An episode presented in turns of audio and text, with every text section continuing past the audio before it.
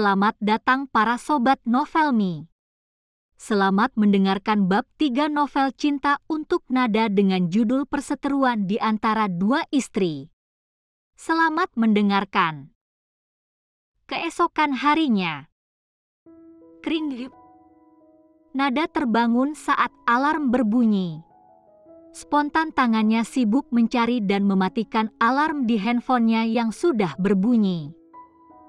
Dia lalu bangkit dan duduk di ranjang. Rasa kantuk masih sedikit menguasainya karena semalam dia tak bisa tidur pulas.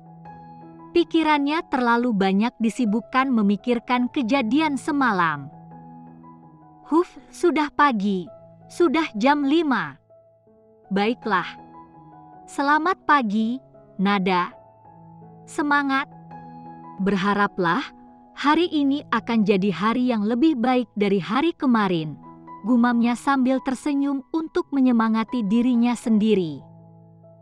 Nada segera mempercepat langkahnya menuju kamar mandi untuk membersihkan diri, lalu beribadah dan mengganti pakaiannya.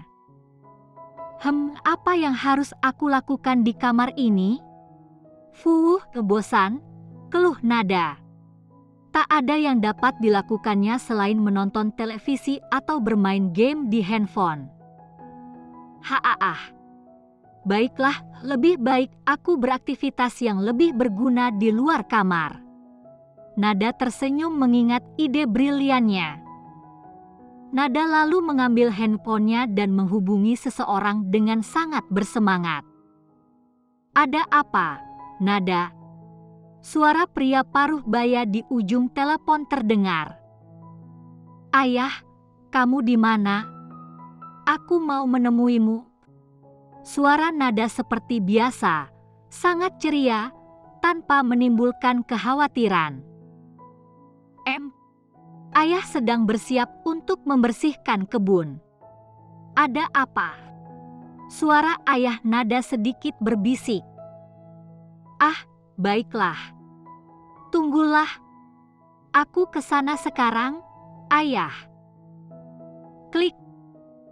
Nada mematikan sambungan telepon. Dia lalu menguncir rambutnya dan segera memakai sepatunya. Ya, dia berniat untuk membantu ayahnya saja di kebun. Selesai bersiap, Nada pun keluar kamar dan langsung berlari menuju ke kebun. Sesaat setelah Nada sampai di kebur, dia langsung menghampiri ayahnya yang tengah sibuk merawat tumbuhan-tumbuhan di sana. Ayah, sini aku bantu. Tanpa menunggu jawaban dari ayahnya, Nada mengambil gunting untuk memotong daun-daun bunga yang sudah layu. M, ada apa, Nada? Padri, Ayah Nada mendekat dan bertanya pada Nada sambil mengambil daun-daun mati yang ada di bawah di antara kebun bunga mawar. Tak ada apa-apa. Aku bosan di kamar, aku ingin membantu ayah. Lagian, udara pagi dan matahari pagikan sehat untuk tubuh. Hehe. Nada tersenyum ceria, seperti tak ada beban yang terjadi padanya seperti tak terjadi apa-apa kemarin. Begitulah nada, dia tak pernah ingin menunjukkan kesedihannya pada orang yang dicintainya. Nada, suara ayahnya pun terdengar. Eh, ada apa? Ayah, ucapnya sambil masih sibuk menaruh pupuk di pot-pot bunga dan tanaman hias yang nantinya akan diletakkan di dalam rumah apa tuan muda memperlakukanmu dengan baik? Padri bertanya dengan suara bergetar dan terbata-bata. Pertanyaan ayahnya seketika menghentikan aktivitas nada. Rasanya, dia belum siap untuk mendengar hal itu dari ayahnya. Tapi jika dia tidak menjawab, ayahnya pasti akan curiga dan merasa khawatir padanya. Nada pun menatap ayahnya sambil tersenyum. Ayah jangan khawatir. Dia sepertinya orang baik. Dia tak menggangguku sama sekali, jadi ayah tenang saja. Ayah fokus saja menjaga ibu, Aku akan berusaha semaksimal mungkin untuk segera menyelesaikan hal ini, supaya kita bisa berkumpul kembali seperti dulu. Nada menyandarkan kepalanya di bahu Padri. Aku sayang ayah. Aku juga sayang ibu dan Didi. Demi kalian semua, aku akan lakukan apa pun untuk kebahagiaan kita. Nada melanjutkan kalimatnya. Maafkan ayahmu yang tak berguna ini, Nada. Is, ayah jangan bilang begitu. Sudah banyak yang ayah berikan padaku, jadi biarkan kali ini aku yang berusaha untuk ayah. Percayalah, semua akan baik-baik saja. Padri pun mengangguk sambil mengelus dengan sayang puncak kepala putrinya itu. Oh iya, pot-pot ini harus ditaruh kembali ke tempatnya, kan? Tanya Nada pada ayahnya mengalihkan topik pembicaraan. Padri pun mengangguk. Nada, kamu bisa menaruh dua pot kecil ini di meja taman itu, lalu ambillah beberapa kuntum bunga untuk ditaruh di meja makan. Padri menjelaskan apa yang harus dilakukan Nada. Satu demi satu bunga mawar pun dipetik olehnya, hingga menjadi satu rangkai bunga mawar yang indah. Saat Nada masih sibuk mengurusi bunga-bunga itu, tiba-tiba tampak seseorang yang berlari tergopoh-gopoh menghampiri Nada. Bak Nada, Anda ditunggu untuk sarapan pagi bersama, ucap Bay City terengah-engah. Eh, tapi aku bukan anggota keluarga mereka. Kenapa aku harus ikut makan bersama? Nada masih menahan diri untuk tak pergi mengikuti arah tarikan tangan Bay City. Tidak bisa, Mbak Nada. Nanti Tuan Besar bisa marah. Gimanapun juga Mbak kan istrinya Tuan Radit, jadi harus makan bersama dengan keluarga. Bay City berusaha membujuk Nada. Nada, ikutilah permintaannya. Kamu makanlah di sana.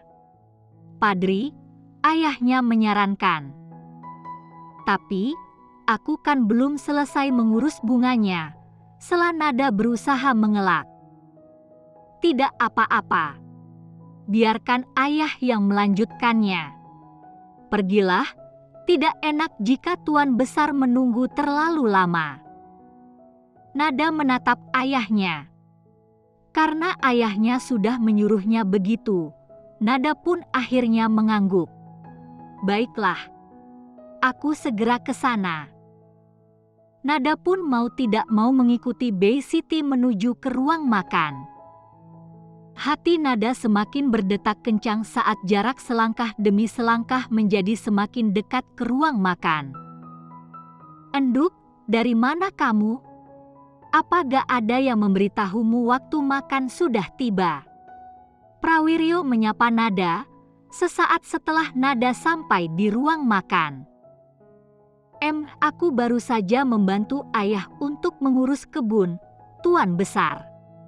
Nada menjawab penuh hormat. Kok panggilnya masih tuan? Kamu sudah menikah dengan cucu Eyang. Panggil Eyang juga, mengerti. Hanya Prawiryo yang bicara di meja itu. Bambang dan Rianti, orang tua Radit, hanya diam menunduk. Begitupun Radit dan Viola. Mereka juga diam tapi Radit tak menunduk melainkan memperhatikan nada dengan tangan kanannya memegang tangan kiri Viola. Em, maaf, Nun Sewu. Eyang, jawab nada masih menunduk. Ya sudah, duduk sini, nak. Eyang menyuruh nada duduk di kursi kosong satu-satunya di meja melingkar itu. Di samping Prawiryo dan Radit kursi yang sebelumnya selalu kosong setelah nenek Radit meninggal dunia. Iya, Eyang. Tunggu dulu.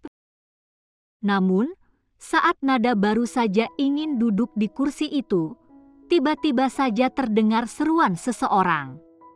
Semua orang pun menoleh pada si pemilik suara itu. Radit, bersihkan dulu tanganmu. Lihatlah, tanganmu terluka dan berdarah. Radit yang memperhatikan Nada dari tadi memang tidak sengaja menemukan tangan Nada terluka. Siti, bantulah Nada membersihkan lukanya, pinta Prawiryo, yang dibalas oleh anggukan Bay City. Ah, kenapa aku bodoh sekali, sih? Bahkan aku tak merasakan sama sekali luka di tanganku. Tapi bagaimana dia tahu kalau tanganku terluka? Padahal tak ada seorang pun di sana yang menyadari kalau tanganku terluka. Apa sedari tadi dia memperhatikanku, gumam nada saat mencuci tangannya di wastafel, sementara Bay City pergi sebentar untuk mengambilkan perban. Lalu, nada menggelengkan kepalanya. Ah tidak, tidak. Kenapa aku bisa berpikir jika dia peduli padaku? Itu pasti hanya kebetulan saja. Nada bergumam, protes akan kebodohnya sendiri. Tidak mungkin kan seorang Radit peduli pada Nada. Selesai mengobati lukanya, Nada segera kembali ke ruang makan. Gimana tanganmu? Ucap Radit tiba-tiba sesaat ketika dia melihat Nada datang. Nada tampak tercengang. Namun, dia membalas ucapan Radit. Gak apa-apa. Sudah biasa kena duri seperti itu kalau membantu ayah bekerja juga. Lain kali berhati-hatilah. Luka kecil seperti itu bisa infeksi jika tidak disadari dan segera diobati ucap Radit menambahkan. Meskipun nada bicaranya terkesan datar, tapi nada diam-diam tersenyum atas ucapan Radit. Iya, aku akan lebih berhati-hati selanjutnya. Setelah itu, Prawiryo pun meminta para pelayan segera menyiapkan makanan. Menu sarapan di meja makan selalu ada dua macam jika Radit menginap di rumah besar. Menu pertama, masakan Indonesia. Untuk hari ini, nasi liwet dengan gudeg dan krecek Jogja. Menu kedua adalah western food, kuice yang bentuknya mirip dengan telur dadar di nasi padang. Bedanya bahan dasarnya ditambahi keju, ubi, bayam, dan jamur. Radit dan Viola menikmati western food sedangkan Prawiryo, Bambang dan Rianti memilih nasi liwet. Nada belum memakan sama sekali makannya dan masih berdiam diri di posisi yang sama. Enduk, kenapa gak dimakan makananmu? Prawiryo bertanya pada Nada yang masih diam belum memakan apa pun. Em, Eyang sini, biar aku suapin, Pinta nada yang melihat Prawiryo makan dengan tangan gemetar karena gangguan tremor Parkinson yang dideritanya. Enduk, kamu gak makan karena mengkhawatirkan Eyang? Tidak apa-apa. Eyang sudah biasa seperti ini, ucap Prawiryo. Kalau Eyang gak mau aku suapin, aku akan panggil Eyang dengan sebutan tuan lagi, jawab nada sambil tersenyum ke Prawiryo. Jadi, sudah berani mengancam Eyang sekarang. Sini aku suapin aja, Eyang. Nada mengambil sendok di tangan Prawiryo dan menyuapinya selayaknya cucu menyuapi kakeknya. Nada sangat telaten dan sabar meladeni cerita Prawiryo sambil makan dan wajahnya juga tak berhenti menunjukkan senyuman manis, tulus bukan sekadar pura-pura. Kedua orang tua Radit, Bambang dan Rianti melihat itu dengan tatapan tidak percaya. Bambang yang diam-diam memperhatikan nada sedari tadi, tampak bahagia saat melihat ayahnya, Prawiryo, kembali ceria saat bersama dengan nada. Begitupun dengan Rianti, dia bisa melihat ketulusan hati nada dalam merawat Prawiryo. Bahkan dia mulai membandingkan nada dengan menantunya, Viola.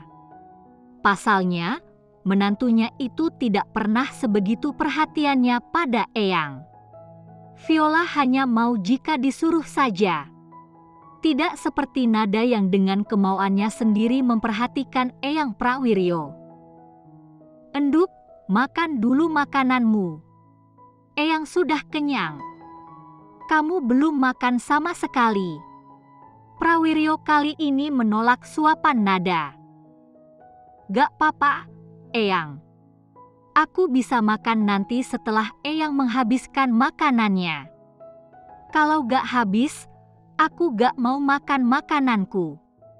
Eyang kan harus sehat dan panjang umur, bujuk Nada, sama seperti dirinya tengah membujuk seorang anak kecil. Hem, kamu betul, enduk. Eyang harus tetap sehat, supaya bisa melihat anakmu nanti yang akan menjadi cicit Eyang. Hahaha.